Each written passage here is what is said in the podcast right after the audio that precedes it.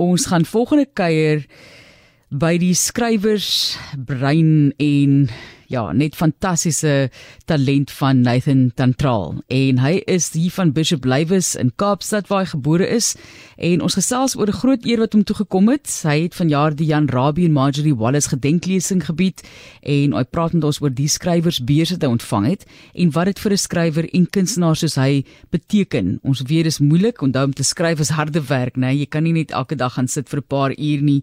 Groot fokus om daardie werk neer te lê en iets soos 'n beurs is fantasties want dit gee 'n persoon 'n geleentheid om te fokus op hulle skryfwerk. Baie geluk en welkom Nathan.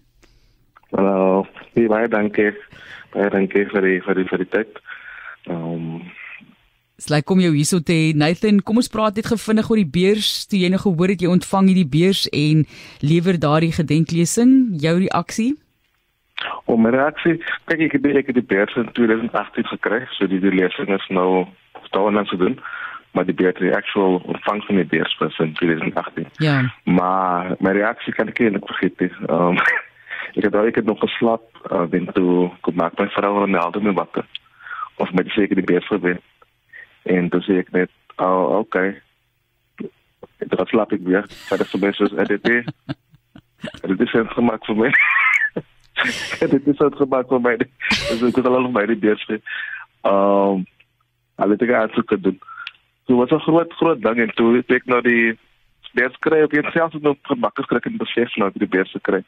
En toe wil ek nou altyd glo ding, dan is my so ek wag hier altyd vir hulle by te baan te sê. Ehm um, hulle het fout gemaak. As jy is toe toe wat van wyk wat professor so by van die kamer by hulle met te sê nou official officially dat ek die beurs kry het, ek begin glo dat ek die beurs kry. Maar dit is 'n dit is 'n shocking, 'n shocking ding om te om te om te gebeur met. Ja. Van is wag dit. Nou maar hoekom dink jy wel as jy nou oor die skok natuurlik na 5 jaar gekom het en so hoekom dink jy wel het hulle jou geselekteer? Um, dis hard te sê, maar maar maar so sê ek moet gaan op die op op die woorde van die van die van die komitee self, so dit is op die kwaliteit van die van die van die aansoek. En ek sal sê dit baie baie ek het met my aansoek. Ek het het baie baie baie begin te sit. Um ek het ook soet my aan tot lang voor die tyd begin dan. Ja. So um dit is baie dit is my dit soort van my aansoek wat soort van my creative my creative project van van daai jaar het is ek het al my arme soort van creative image dat is het. Um ek dink dit is ook uh, dit is 'n idee wat wat die piloot en die en die, komitee was soort van uh, om iets wat hulle kon sien is, is iets wat ek graag regtig wil doen. Dit is net dit is net dit is net 'n idee wat ek so tot opkom met om oor na gaan. So ek dink dit is 'n groot groot um, rede.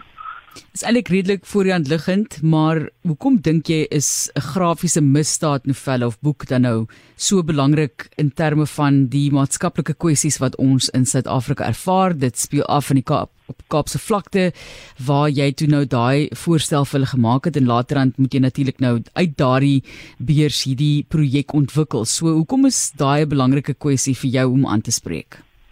Ek dink vir my was dit vir my was dit Um, ek wil ek, ek, ek wil net veel oor die boek self sê nie. Ehm um, maar dit is 'n soort van dit is 'n spesifiek wat ek wat ek meer maar ek skryf in die boek as as die persoonlik so het, so dit van tipe van ding wat dit is een ding om te skryf oor sulke stories in terme van wat die nation of wat die mens um, um, um, um, kan met verstaan van dit maar wat ek wil doen is ek wil skryf uit die perspektief van iemand wat wat uit wat uit daai wêreld kom. Ja. En so van die boek is aber as dit gesit in die early 90s. So by basically ons as kinders wat nog groot is nou, groot mense is as ook adults is um um more like experience it. Um die fokus daar is nog nie so dit is dit is 'n dit is 'n crime story maar die fokus is nie die crime en die fokus is regtig op die mense wat dit experience mense wat dit om om soort van om dan sent te maak dit in dan ook baie jare later terugkyk op op op op daai tyd tot daai periode wat in en dat so um in what full effect I dink vir my het my persoonlike experience het as om dat mens mens geneig om hier iets te gaan en dis baie later te besef hoe dat dit dit is 'n major um, moment in my lewe. Dat is wat my define diagnose. Um, so ek word reflect, ek word reflecteer op hy. Ek wil skryf wat dit wat wanneer ek ek, dink ook as baie mense wat wat sou relate aan dit mense wat nie wat wat ook miskien ek ook nou maar het begin besef dat was 'n traumatiese dit moet lewe gehad is. Um, veral is dit vir vir my met my generasie spesifiek. Maar dit kan ons wat um, deur in deur uit dit. Ja. Nathan, jy weet ons het nou gehoor byvoorbeeld in die nuus weer eens hier was 'n uh, Kaapstad se leap wetstoepassingsbeampte wat die naweek in Mitchells Plain doodgeskiet is. Hy is toe Tofik Williams op 37 jaar ouderdom getref tydens bende geweld deur 'n dwaalkoel en hy is dood op die toneel. Hy was saam met sy dogter gewees. Dis die tipe van ding wat ons elke dag van lees. Ehm um, die feit dat jy dit aanspreek in literatuur, watter bydrae dink jy maak dit tot die bevegting van hierdie kwessies? Ek dink ek dink my kyk ehm um, as ek as ek net myself myself in perspektief sit, dan sal ek sê ek het ek het die power om om dinge te verander ek ek doen nooit die idee gehad om myself as as iemand wat change maak kan maak um, maar meer by my rol is meer om te te document. Was om te sê basically dat is iets wat sê dat dit goed het gebeur.